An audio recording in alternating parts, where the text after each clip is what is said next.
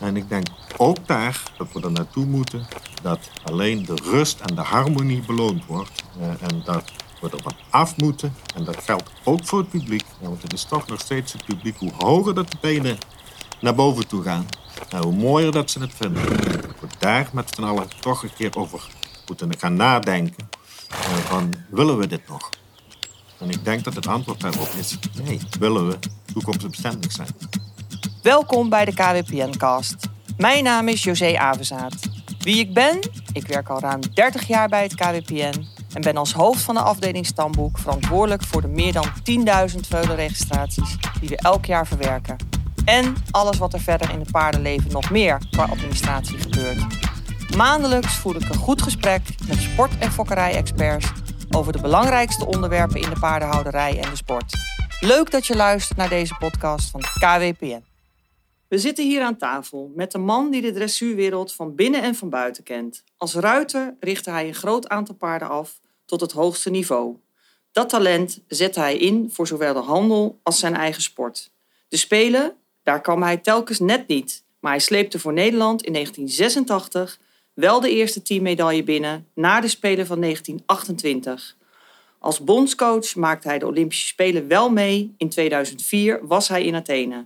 Vanaf 2015 zet deze Limburgse fokker en hengstenhouder zijn kennis in voor het KWPN, waar hij deel uitmaakt van de Hengstenkundingscommissie. Welkom, Bert Rutte. Bert, je bent bekend als ruiter, trainer en fokker van meerdere goedgekeurde hengsten. Maar jullie hadden een, heel groot bedrijf in Hunsel. Ik begreep dat dat verleden jaar verkocht is. Wat is motivatie? Dat klopt, ja. Ik was natuurlijk al een klein beetje aan het afbouwen met het idee in de toekomst uh, het bedrijf toch een keer te koop te zetten. Uh, maar toen kwam het eigenlijk op mijn pad. Uh, ik had het niet te koop staan, maar iemand belde aan en zo wouden het kopen. En we werden het heel snel eens en toen heb ik de knoop doorgehaakt en ben op die trein gesprongen. heb nog drie paarden overgehouden om zelf te rijden, die ik in pensioen heb staan. En dan smiddags doe ik op dit moment uh, lesgeven. Zit nog veel in het buitenland voor clinics. En uh, zo krijg ik de tijd nou om. Dus het is niet zo dat de laars aan de wil gehangen en dat je met pensioen bent nu? Nee, zeker niet. Uh, rijden en het opleiden van dressuurpaarden, dat is eenmaal mijn passie. En dat blijf ik ook, zolang als mijn lichaam het me toestaat, blijf ik dat doen. Tot in lengte van dagen blijf je dat doen. En je bent ook verhuisd of woon je nog wel daar waar je woonde? Nee, we zijn uh, verhuisd op het moment uh, tijdelijk in een woning. En we hebben een uh, nieuw spul gekocht waar we nieuwbouw op gaan zetten. Maar daar komen geen paardenstallen meer bij. De paarden blijven in pensioen staan, zodat we eigenlijk de vrijheid hebben om te kunnen gaan en staan waar we willen. Super. je hebt een lange en succesvolle carrière achter de rug. Je hebt 13 paarden, als we goed gekeken hebben, op Grand Prix gestart.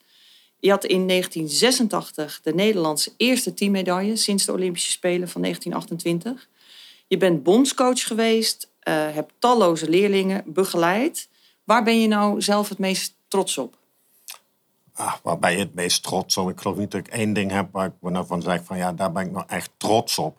Uh, waar ik de meeste voldoening uit haal, dat is toch dat de mensen die bij ons de opleiding gevolgd hebben, dat er, er toch heel veel van zijn die zowel internationaal als hier ook nationaal een eigen bedrijf opgebouwd hebben, een weg gevonden hebben in de paardenwereld, uh, daar nog steeds een heel goed contact mee hebben. En als je ja, dan ziet dat ze zelf clinics geven en je wordt dan nog geciteerd, dan denk ik toch die kennisoverdracht die heeft plaatsgevonden en daar haal ik wel heel veel voldoening uit, ja. Maar je bent denk ik ook niet een man die ergens die uitspreekt dat je trots bent op dat resultaat. Maar ik denk dat heel veel mensen die dat ervaren hebben bij jou, wel trots zijn dat ze zeg maar, dit door jou bereikt hebben.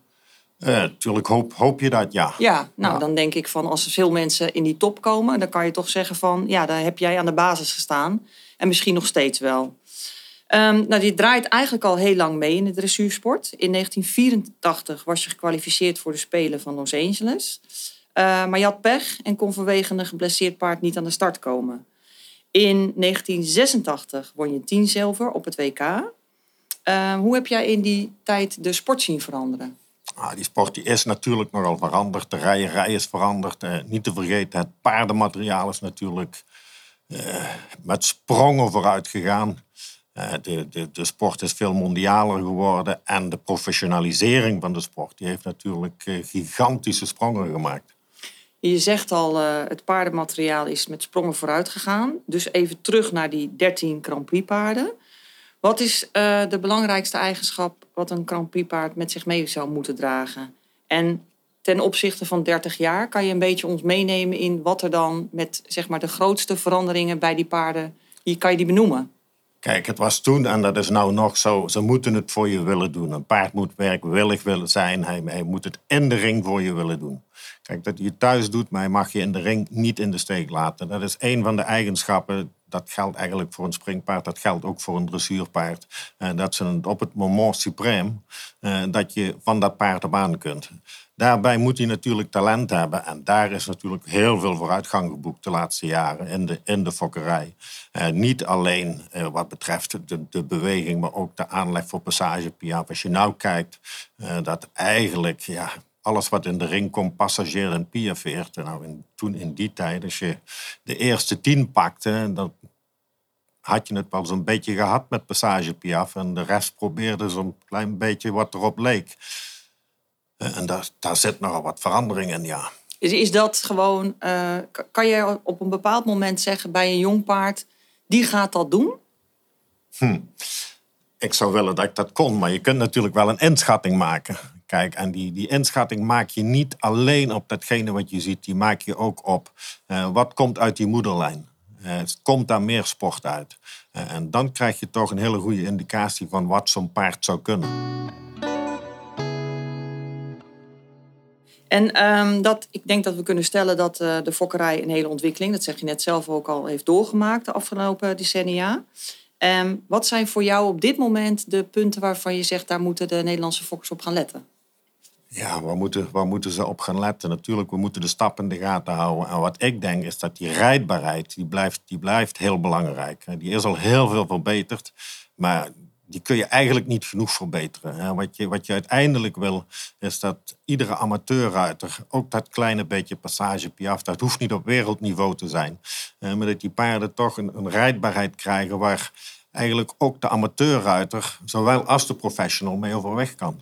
Maar rijdbaarheid is natuurlijk een heel belangrijk ding. Maar eigenlijk heb ik wel eens gehoord van mensen die aan de zijkant, weten dat beter een paard wat het laatste moet gaan doen, die moet eigenlijk ook een tikkeltje apart zijn. Want dan gaan ze voor je vechten in de ring. Ben je het daarmee eens of zeg je van nee, als een paard tussen de oren goed is, dan wil die altijd voor je werken? Ik denk dat Vallegro en een Totilas dat die bewezen hebben dat je geen gekkenhuis nodig hebt uh, om die top te bereiken. Beide paarden, op het moment dat de teugel lang ging, aan het lange teugeltje naar buiten met applaus, uh, bleven daar totaal kalm bij. dus ik, ik, denk dat dat een beetje achterhaald is. Uh, dat je die, die, ja, dat, scherp, dat onaangenaam scherp zijn, dat je dat nodig hebt om een topprestatie neer te zetten. Ja, want bij Totilas was natuurlijk zeker in het begin het verhaal dat mensen hem allemaal een beetje niet eens hadden ontdekt als jong paard. Dat ze dachten van ongezien en later kwam dat vast boven. Dus ik denk dat dat een voorbeeld is van een paard waarvan je nou, zegt... goed, hij is als vijfjarige natuurlijk meegeweest naar het WK in, uh, in Verde en werd daar geloof ik uit mijn hoofd vierde. Maar heel en ik weet dat ik daar, eh, ik was toen mee om te begeleiden. En ik weet dat ik het daar toen echt niet mee eens was. Want ik vond het verreweg het beste. Oké, oké, dus dat is een mooi voorbeeld. Um, ontwikkeling betekent ook dat je tijdelijk ook een verkeerde kant op kunt bewegen. Uh, welke fouten, fouten hebben we, leermomenten kunnen we misschien beter zeggen, hebben we in de fokkerij in het verleden gemaakt volgens jou? Ja, ik denk niet dat je over fouten moet praten. Uh, daar wordt fokkerijbeleid wordt, wordt samengesteld door de fokkerijraad. Uh, en je maakt keuzes. Kijk, en als je keuzes maakt, wat je op dat moment nodig hebt, wat je op dat moment in het verleden nodig had, dan is de kans ook, als je daarop gaat selecteren, dat er andere zaken naar voren toe komen die je liever niet hebt. En daar zul je dan op moeten anticiperen als fokker en als, als KWPN, om dat er weer uit te krijgen. Kijk, maar wij maken nou ook keuzes en straks blijkt misschien ook dat daar neveneffecten zijn ontstaan die je liever niet hebt. En dan moet je weer de keuze maken van hoe krijg ik die er zo snel mogelijk weer, uit. en dat, dat is fokkerij. Ja. En ehm, werken met paarden betekent natuurlijk ook een leven lang leren. Um, wat is de laatste grote les die je misschien als ruiter zelf hebt geleerd? Ach, het is een grote les. Als ik uh, nou met mijn 61ste nog een grote les zou moeten leren, heb ik de rest van mijn leven zitten te slapen. Dus je leert, je leert steeds weer hele kleine dingen bij.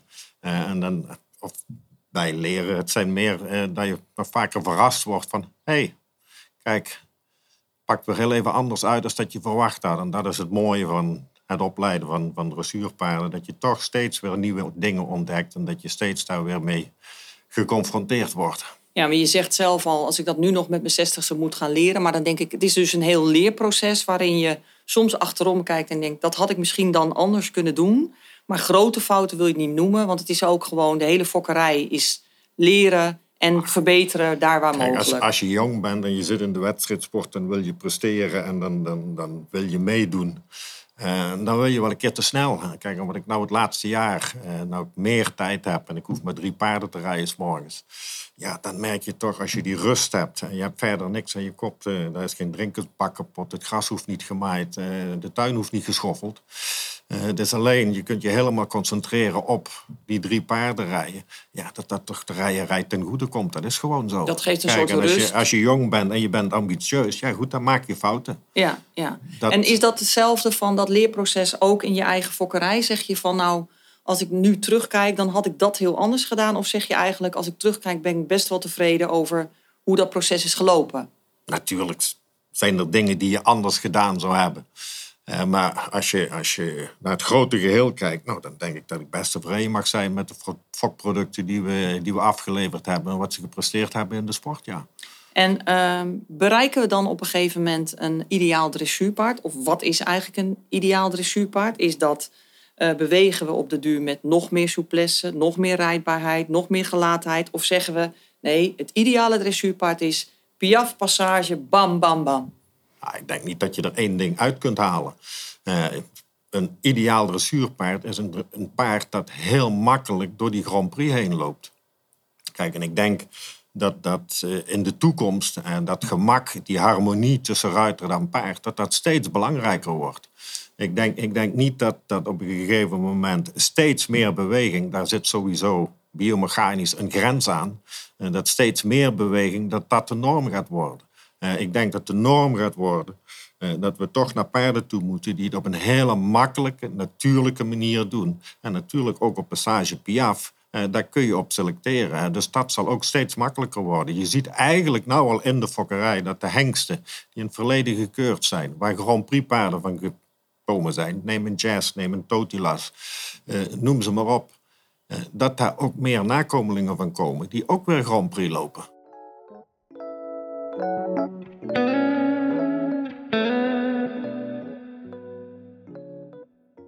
Even bellen met. Ik bel vandaag met Stefan van Koten van onze partner Annemone Horstrup. Stefan van Koten, goedemorgen. Goedemorgen Stefan, met José van KWPN. Goedemorgen. Mag ik een paar vragen aan je stellen? Uiteraard. Jullie zijn natuurlijk uh, heel bekend van jullie mooie paardenvrachtwagens. Uh, maar wat niet iedereen weet, is dat je die ook bij jullie kunt huren. Kun je daar iets meer over vertellen? Uh, ja, ja, zeker. We hebben ehm, eigenlijk, ja, wij hebben Anemone Horse Carrier. Dat is eigenlijk een bedrijf wat, al, dat we al heel lang hebben, zeg maar. Waar we altijd bij ons vandaan uh, de verhuur van de tweepadsauto's deden. En ehm, nou, dat hebben wij de afgelopen twee jaar eigenlijk helemaal uitgebreid. En onder de nieuwe naam horstuksforrent.com gelanceerd. En uh, ja, daarmee doen wij de verhuur van uh, met een landelijke dekking. Uh, dus daar doen wij op verschillende verhuurpunten door Nederland heen. Uh, doen wij de verhuur van de tweepaardsauto's. Daar hebben we een nieuw platform voor gebouwd. waardoor het enorm makkelijk is om te boeken. Dat gaat allemaal volledig digitaal. Dus zowel het betalen als de contracten, als de eindfactuur. Alles gaat digitaal per mail.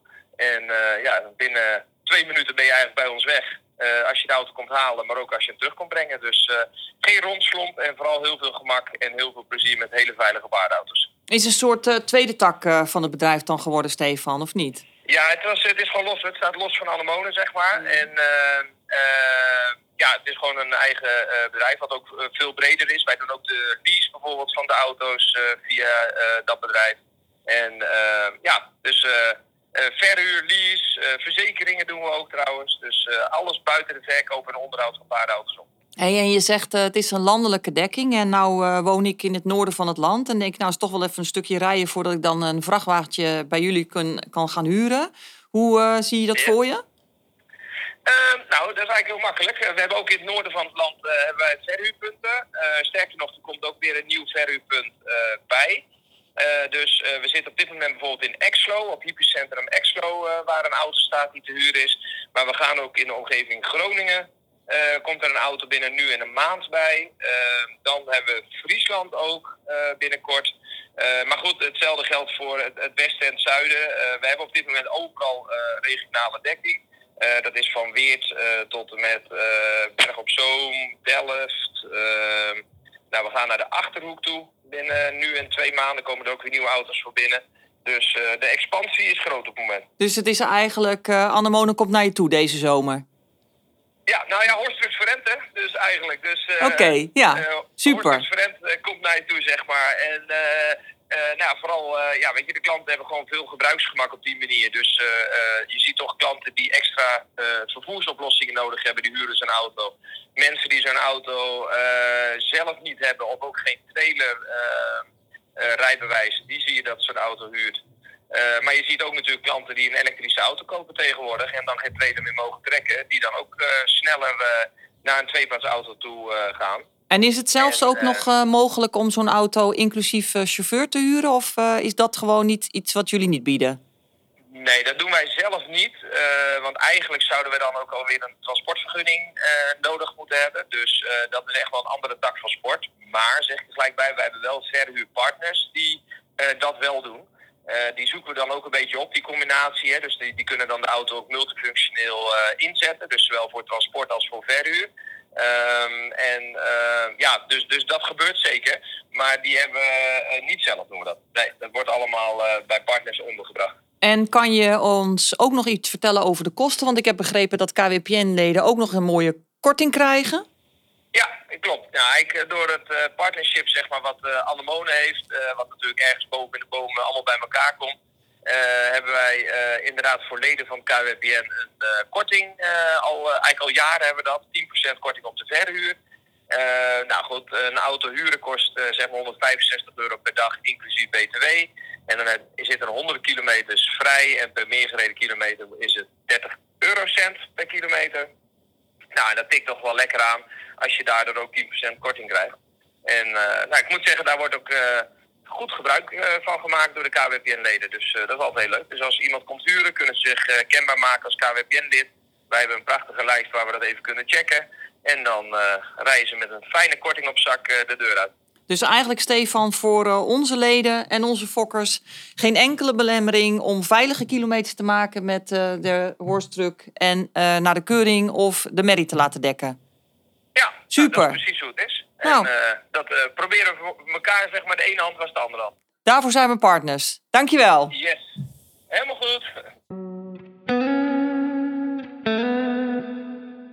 En dan even een zijstapje fokkerij en opleiding van ruiters. Zie je om je heen dat je zegt van... ik hoor heel vaak in de wandelgangen dat de kwaliteit van de ruiters... je hebt een, hele kleine top...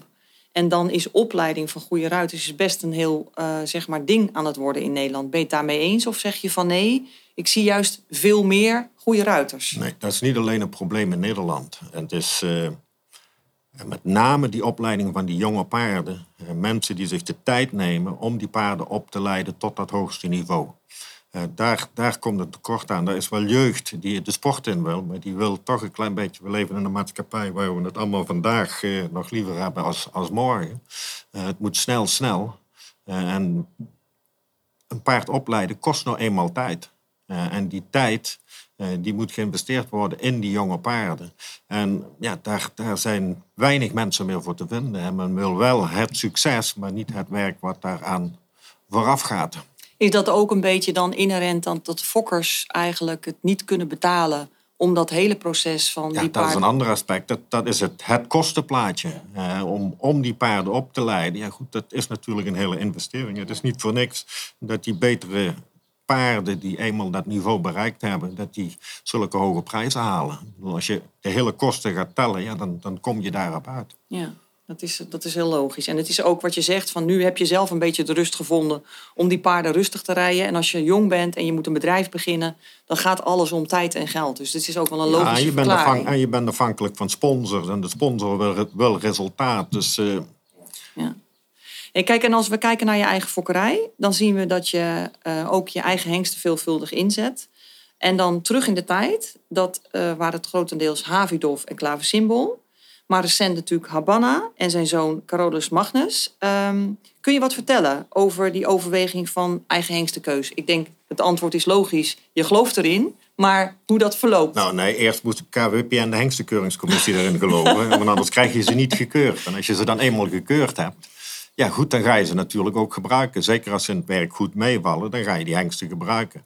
Kijk, eh, Havana, dat was een product uh, uit Dimare. Mary die zelf Grand Prix had gelopen, of heeft gelopen. Uh, een volle zus van Cosmo van Sanke Rotenberger.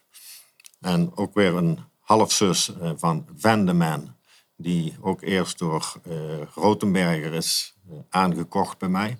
En later is verkocht naar Cesar Parra die daar ook uh, succes mee heeft geboekt. Uh, dus uh, één, één merrie met drie Grand Prix paarden. Nou goed, en daar ga je dan een, een hengst bij zoeken. En die keuze viel voor mij op, op Vivaldo. waar daar dan terug toch weer Clavecimbal in zit. Monte Cristo, het bloed van El Corona. en dat die toch behoorlijk vrij was van het bloed wat we al heel veel hebben. Ja. En dan is het natuurlijk gewoon, je kent die medie ook door en door. Dus dat helpt natuurlijk ook. En die hele stam ken je door en door. Ja. Dus dat is heel belangrijk. Ja. Wat ik interessant vind daarin is dat uh, een, een, in de fokkerij zien we eigenlijk bij jullie best veelvuldig springbloed. Je zei het net zelf al, Cosmo, maar zoals nummer uno, unaniem en up-to-date. Um, welke eigenschappen uh, weet je te waarderen in die springpaardenfokkerij? Want we hebben natuurlijk altijd zeg maar, de splitsing gemaakt dressuurpaarden. Maar het is opmerkelijk dat er best veel springpaardenbloed in je fokkerij zit. Ja, het was in het verleden natuurlijk zo dat die, die springpaardenfokkerij... die was natuurlijk al veel verder doorgevoerd. Die, die, die springpaarden en, vooral die succesvolle springlijnen... die waren natuurlijk al, al veel eerder geselecteerd op sport... Eh, als eh, de dressuurpaarden. Die specialisatie die is van 2006, geloof ik. Dus dat is nog eigenlijk uh, nog maar heel recent. Uh, wat ons opviel, was toch die rijdbaarheid van die, als er springbloed in zat, de rijdbaarheid en ook het, de aanleg voor passage piaf. Ik heb in de tijd, dat is al heel lang geleden, ook heel veel almeebloed gehad. En wat daarbij opviel, was toch dat die aanleg voor passage piaf. Dat je met almeebloed andere problemen had die je in de dressuur liever niet had. Dat is weer een ander verhaal. Maar aanleg voor passage piaf hadden ze wel. En dat hebben we eigenlijk al heel vroeg ontdekt, dat, dat, dat je toch als je dat springbloed erin hebt, dat die aanleg voor passage piaf en, en ook nog een keer de chargementen, het willen werken voor je, maar daar is het springpaard natuurlijk veel vroeger op geselecteerd geweest. Kijk, als iets goeds geweest is voor je, voor je portemonnee, ja, dan ga je daar ook een beetje mee door, misschien wel iets te lang. Ja, maar dat, is, dat komt dus in je merriemateriaal voor. Dan ja. natuurlijk ook uh, Geldersbloed. Um, Carolus Magnus, kampioen bij de Gelderse Hengsten. Ik heb Alexandro P. en daar heb ik gebruik van gemaakt. Uh, dat heb ik gedaan omdat ik graag die, die bergopwaartsbouw had. Uh, een veel front. Uh, Alexandro P. is natuurlijk een stempelhengst, waar je een klein beetje van de baan kon. wat die fokte. daarbij had hij een goede voorbeentechniek. Ik heb hem zelf een paar keer op de les gehad bij mij thuis. Uh, en gezien uh, wat hij eigenlijk in huis, in huis had. En daardoor besloten om daar merries die heel veel bloed hadden, mee te laten dekken. En ik moet zeggen, dat is, uh, in dit geval is dat heel goed uitgepakt. Heel goed uitgepakt. En wat je zegt, je krijgt ze dan in de les, dus dan zie je ook die paarden. Um, je hebt zelf ook talloze paarden afgericht. Ehm, welke extremematige eigenschappen zie je graag in een paard? Dat is toch het berg op kunnen lopen. Het liefst ook bergop gebouwd. Ik heb dat toch al vaker gezegd. Het is niet altijd dat als een paard een iets neerwaartse romprichting heeft, dat hij niet bergop kan lopen. Het gaat erom dat hij zich vanuit die voorhand op kan drukken. eh, zodat het achterbeen ook de plaats heeft om goed onder te kunnen treden. Er wordt heel vaak gezegd, ja, het achterbeen moet ondertreden. Ja, maar als de voorhand zich niet af kan drukken, kan het achterbeen niet ondertreden. Dan kan hij wel heel sterk zijn in het achterbeen. eh, maar om echt te kunnen reizen in die voorhand, moet hij ook die afdruk in die voorhand hebben. Dat is eh, een, een eigenschap waar ik eigenlijk altijd naar op zoek ben, ook in, in de fokkerij. Dus opwaarts gebouwd is sowieso een pre. En zeg je dan Ja. ook, als een paard dat heeft, is het voor mij een absolute no-go? Of zeg je van nee, ik wil altijd het hele plaatje en dan kan dat ook meevallen? Of zeg je, als ik een paard zie met een eh, sabelbenig achterbeen, is voor mij een no-go. Ik noem maar iets. Nou, nee, het sabelbenig. sabelbenig. Ik weet dat mijn vader, eh, toen ik nog jong was, altijd zei sabelbenig. Dat was een no-go. De sport, de sport heeft onderhand uitgewezen dat eh, absoluut geen, geen belemmering is. Kijk, het moet natuurlijk niet eh, heel erg worden, maar sabelbenig eh, in, de- in de dressuursport is abs- absoluut geen, geen probleem. Dus ze zegt eigenlijk, voor, mij zijn er geen dingen waar ik op voorhand al zeg, dit is een no-go. Jawel, die zijn er zeker. zijn er zeker. En dat is incorrect fundament. Oké. En met incorrect fundament bedoel ik dan niet iets sabelbenig. eh, Maar als ze echt incorrect zijn in de stand, dan... Want je zegt eigenlijk, dat zie je altijd terug of dat kom je altijd tegen later in de sport, op welk niveau ook. eh, er zijn altijd uitzonderingen, maar over het algemeen kun je zeggen... eh, dat is te blessuregevoelig. Oké, en wat kun je vanaf de grond, dus je, het paard staat voor je, wat kun je dan aan een paard zien? En, of andersom, wat kun je niet aan een paard zien? Nou, het begint met de kleur, tenminste als je niet kleurenblind bent. Ook niet onbelangrijk voor veel mensen. Maar wat, wat je kunt zien is ja, het type. Eh, je kunt het fundament kun je bekijken. Je kunt de beweging in vrijheid bekijken. En die beweging in vrijheid, daar kun je toch wel heel veel zien. Eh, de souplesse, het schakelvermogen. eh, wat doet hij als hij in de kooi is, we hem in de kooi zien of thuis in de binnenbak. wat doet hij als hij in de hoek komt? remt hij in één keer, stopt hij in één keer of heeft hij daar drie, vier sprongen voor nodig? Hoe vertrekt hij? Reist hij in de voorhand? Of loopt hij met voorwielaandrijving, zoals wij dat dan vaker noemen? En heb je, heb je wel eens dat je zegt, het paard staat voor je en dan denk je nou, zoals die daar staat, kan die vast niet lopen. En dat hij je dan aangenaam verrast? Of zeg je van nou eigenlijk... Natuurlijk kan dat. ja, Ja. maar dat gebeurt niet heel veel. Ehm, nou, je moet ze nooit veroordelen voordat ze in beweging zijn. Oké, ja, dat lijkt me ook heel goed. En zeker bij een dressuurpaard, dan denk je van de beweging is natuurlijk het belangrijkste. Maar als hij er staat, dat zegt ook niet alles. Ehm, dan is het natuurlijk best interessant. Waarom heb je ooit ja gezegd op de vraag of je deel wil uitmaken van de hengstkunstcommissie? Dat is teamwork, dat is mooi. Ehm, er zijn drie commissieleden. En hoe werkt dan een beetje die dynamiek tussen jullie? Eh, het zijn drie commissieleden, maar we mogen hierbij natuurlijk ook de inspectie, inspectie niet vergeten. eh, die voor ons eh, alles uitzoekt en voor ons alles klaarlegt. Eh, zonder inspectie zou het, eh, zou het heel moeilijk, of in ieder geval een hele andere job worden. En dan eh, is die eigenlijk niet uit te voeren bij de Maar- andere werkzaamheden nee, dat- die, dat die we er nog bij Ja, hebben. ja. Als, als een team, ja, ik, ik vind dat we gewoon als een team moeten werken. En, en die dynamiek is eigenlijk dat we gewoon over die, over die hengsten praten. Zoals, je, zoals de mensen eigenlijk ook op de tribune zitten. Hè, de voor- en tegens. En ja, over die hele goede, over die toppers, daar is weinig discussie over. Maar Dat zal, in- ieder, zal ja. iedereen begrijpen. Ik bedoel, eh, Ja, dat is hetzelfde als met een hele goede dressuurproef. Daar discussieert ook niemand over. Het gaat, het gaat net over ja, wat er tegenaan zit of wat er net onder zit. Eh, Dat, dat kan wel een keer discussie zijn. En eh, ja, we komen daar altijd eigenlijk heel goed uit. Maar je hebt ja gezegd, omdat wat je zei net al, dan zit je op de tribune en heeft iedereen altijd gelijk, want de beste stuurlui zitten aan wal in dit geval. Maar je hebt ja gezegd toen iemand het vroeg, omdat je zegt van ik vind het leuk en interessant om een bijdrage te leveren aan die fokkerij. Of heb je het met een andere motivatie gedaan? Nee, natuurlijk. eh, bedoel, het KWPN, dat is een merk eh, waar we in de handel, in de sport, in de fokkerij, waar we met z'n allen, ik zeg altijd, uit die ruif, daar hebben we allemaal uit gegeten. Nou, en ik vind als je dan gevraagd wordt en je kunt een keer iets terugdoen, eh, dat je het dan goed moet overwegen. En ik vond dat ik daar ja op moest zeggen. Nou, super. In die hengstkunstcommissie maak je natuurlijk eh, afwegingen en dat heeft impact, soms op een hengstenhouder. Ehm, want die wil natuurlijk dat zijn eigen hengsten, dat is broodwinning. En goedkeuring is een behoorlijk financieel plaatje. Andersom heb je ook een verantwoording naar de fokker. En hebben jullie keuzes die veel impact hebben op de hele fokkerij. Uh, hoe ga je daar zelf mee om? Ervaar je dat soms ook als uh, druk, stress, negativiteit? Of dat je denkt van... Nee, ik ervaar dat absoluut niet als stress en ook, ook niet als druk. Uh, en wat we toch heel veel zien is, bedoel, de, de, de hengstenhouders, dat zijn ook professionals. Kijk, en zij zijn er niet mee gebaat als, als hengsten gekeurd worden die toch geen merries gaan dekken. Eh, en daar geldt ook weer, als je die, goede hengsten, dat weten ze zelf ook. En ze doen ook al vaak eh, thuis voorselecteren. Uh, en natuurlijk komen er ook wel eens hengsten waar het, waar het er om hangt. Goed, en of dat dubbeltje dan naar links of naar rechts toe valt.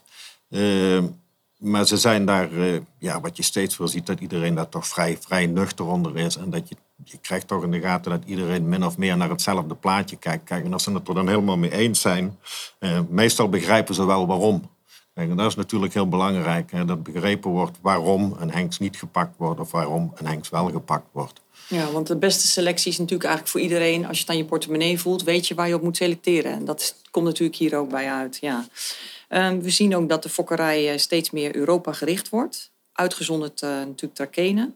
Want dat is nog een gesloten stamboek. Uh, ik neem aan dat je geregeld een kijkje neemt bij de andere stamboeken in het buitenland. Wat kunnen wij van die andere stamboeken leren? Ja, wat kunnen we ervan leren? Ik denk dat je steeds moet kijken welke dynamiek er speelt in, in andere stamboeken. Eh, die hebben natuurlijk hetzelfde doel voor ogen als wij, een, een heel goed dressuurpaard fokken. En als je daar ziet uh, dat daar uh, een, een, hengst of een, een, een merrielijn het heel goed doet. Uh, dat je probeert om, om daar een graantje van mee te pikken. We zijn een open stamboek, dus wij, wij kunnen importeren, zowel als exporteren. En ik denk dat je daar steeds, steeds je ogen open moet houden. Wat, wat doet het buitenland en hoe kunnen wij ons, ons voordeel daarmee doen? Ja, precies. Dus een beetje gluren bij de buren en datgene wat interessant is overnemen. Ja. Oké. Welzijn is natuurlijk daarbij ook een heel belangrijk uh, onderwerp nu. En we zien dat er ook best wat kritiek is op uh, de paardensport. Vandaag benaderen we het andersom. En wil ik eigenlijk eens aan jou vragen... wat is er ten positieve veranderd... en ten opzichte van vijf, tien of vijftien jaar geleden? Er is natuurlijk ook namelijk heel veel heel goed gegaan, denk ik. Ja, ik denk, ik denk wat, wat goed is gegaan, dat er toch een, een, een bewustwording eh, op gang is gekomen bij, bij ruiters, trainers, ook bij fokkers. En wat het welzijn van paarden betreft.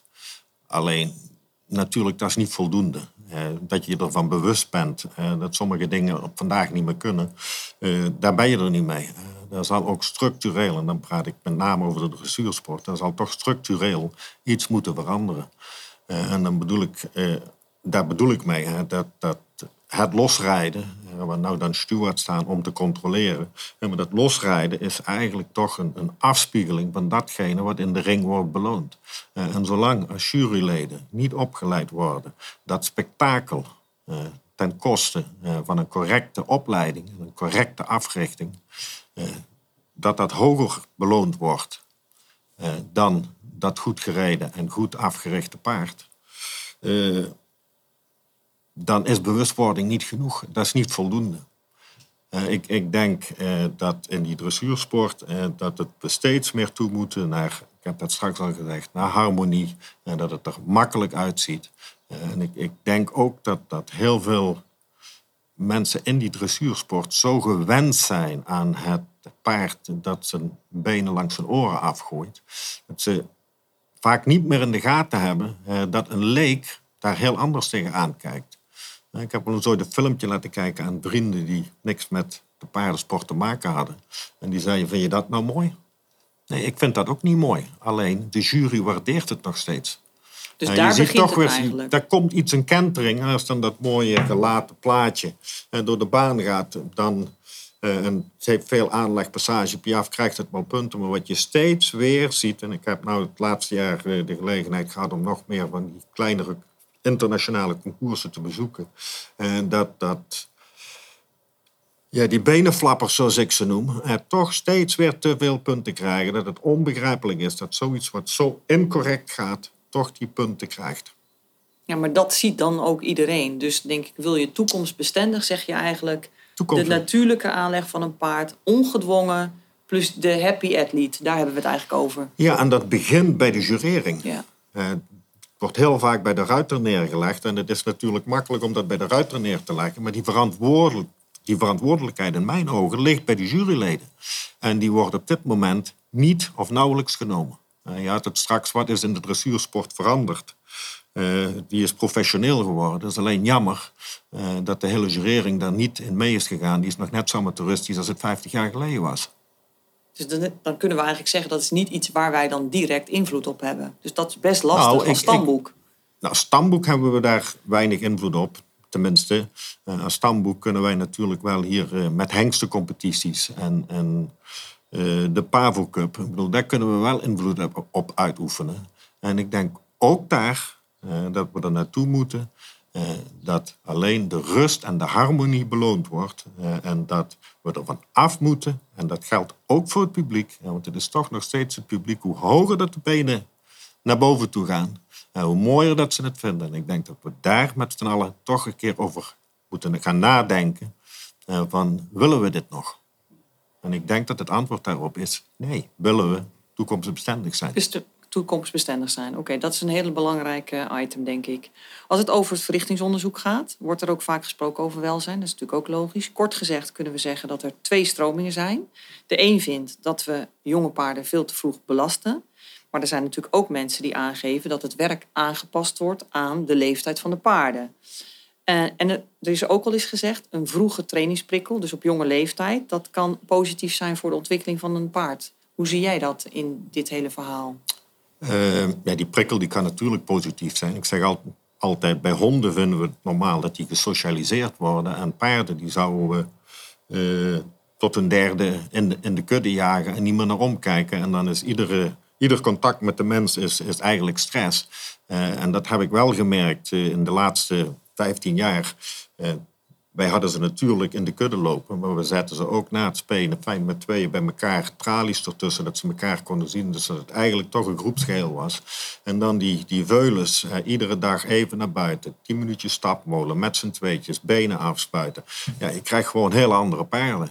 Eh, hetzelfde als, als dat je honden socialiseert. Eh, en die prikkel, en dat, merk je, dat merkte je nog als driejarige bij het zadelmak maken, dat je daar eigenlijk nooit geen probleem had, omdat die paarden die waren aan de mens gewend, uh, zonder dat dat stress inhield.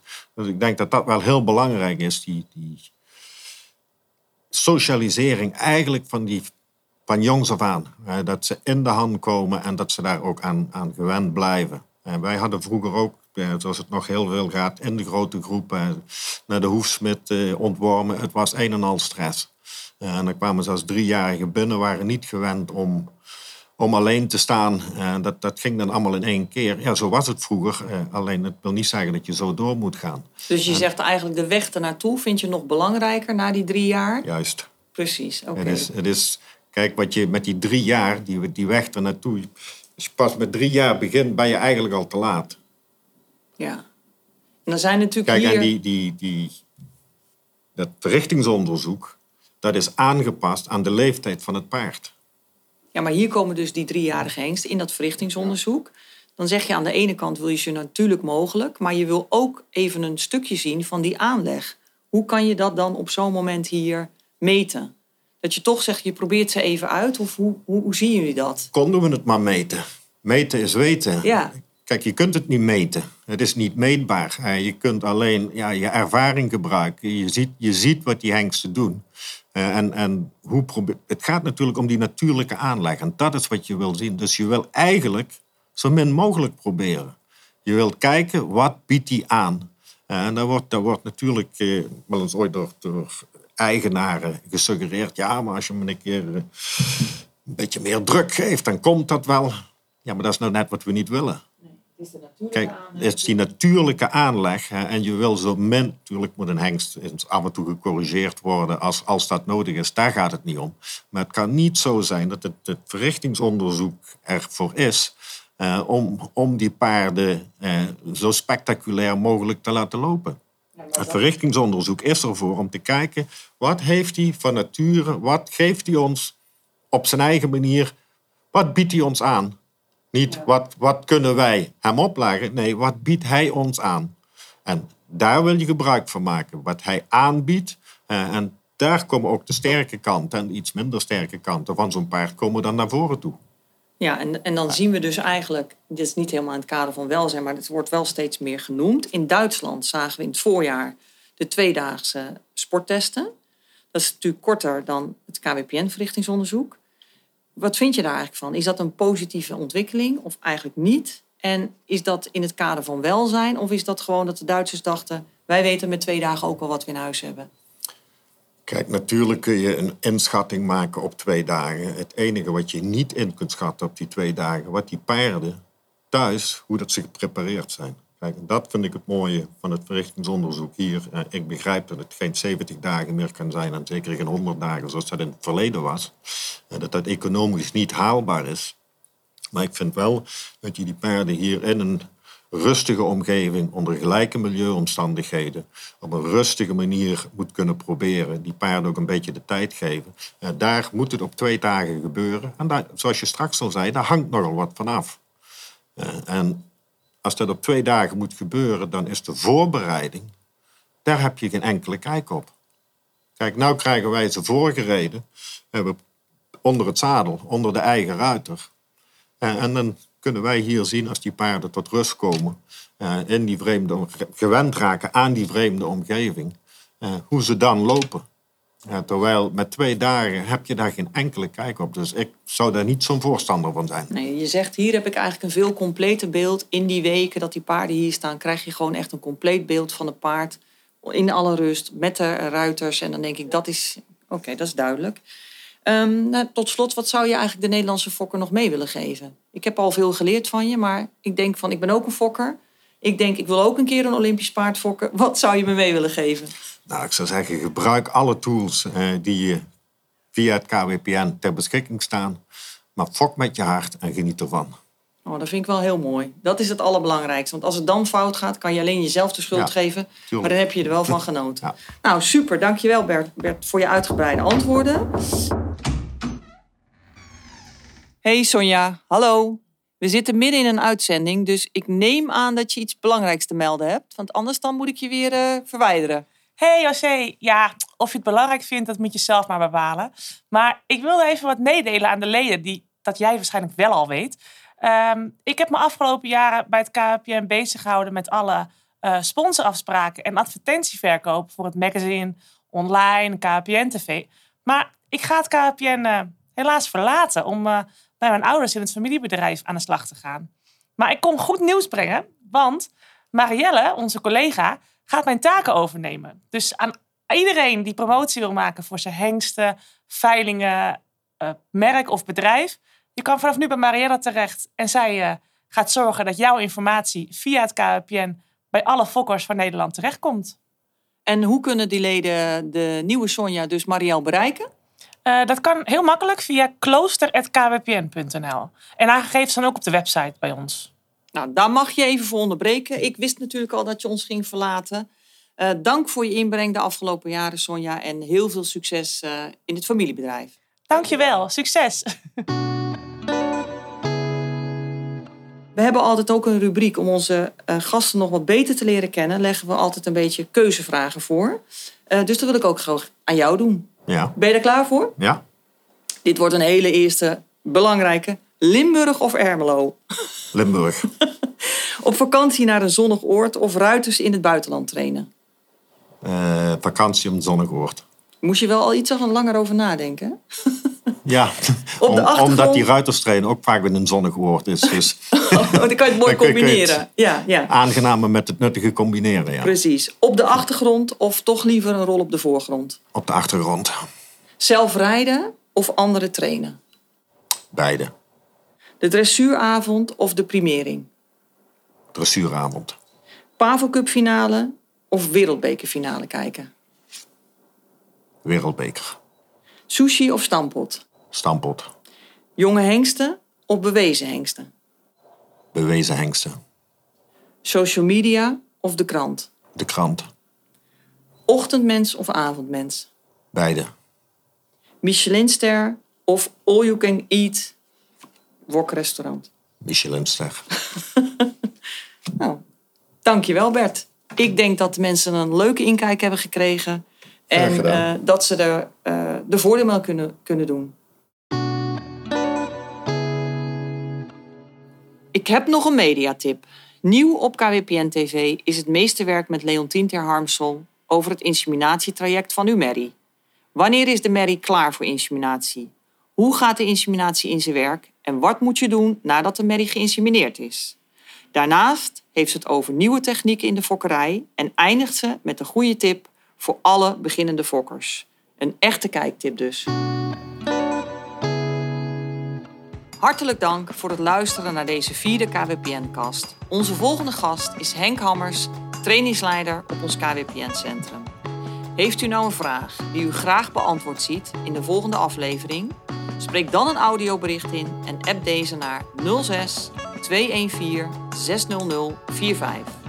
Dat kan bijvoorbeeld een vraag zijn over de jonge paardencompetities die eraan komen. Zo worden van 29 tot en met 31 augustus de halve finales en finales van de Blomcup in Valkenswaard verreden. Er zijn een aantal veranderingen in het selectie- en wedstrijdreglement doorgevoerd. Zo kunnen bijvoorbeeld alle combinaties op alle dagen deelnemen. Wil je meer weten over de Blomcup of de inschrijving? Vraag het ons of ga naar onze website www.kwpn.nl Jonge paardencompetities.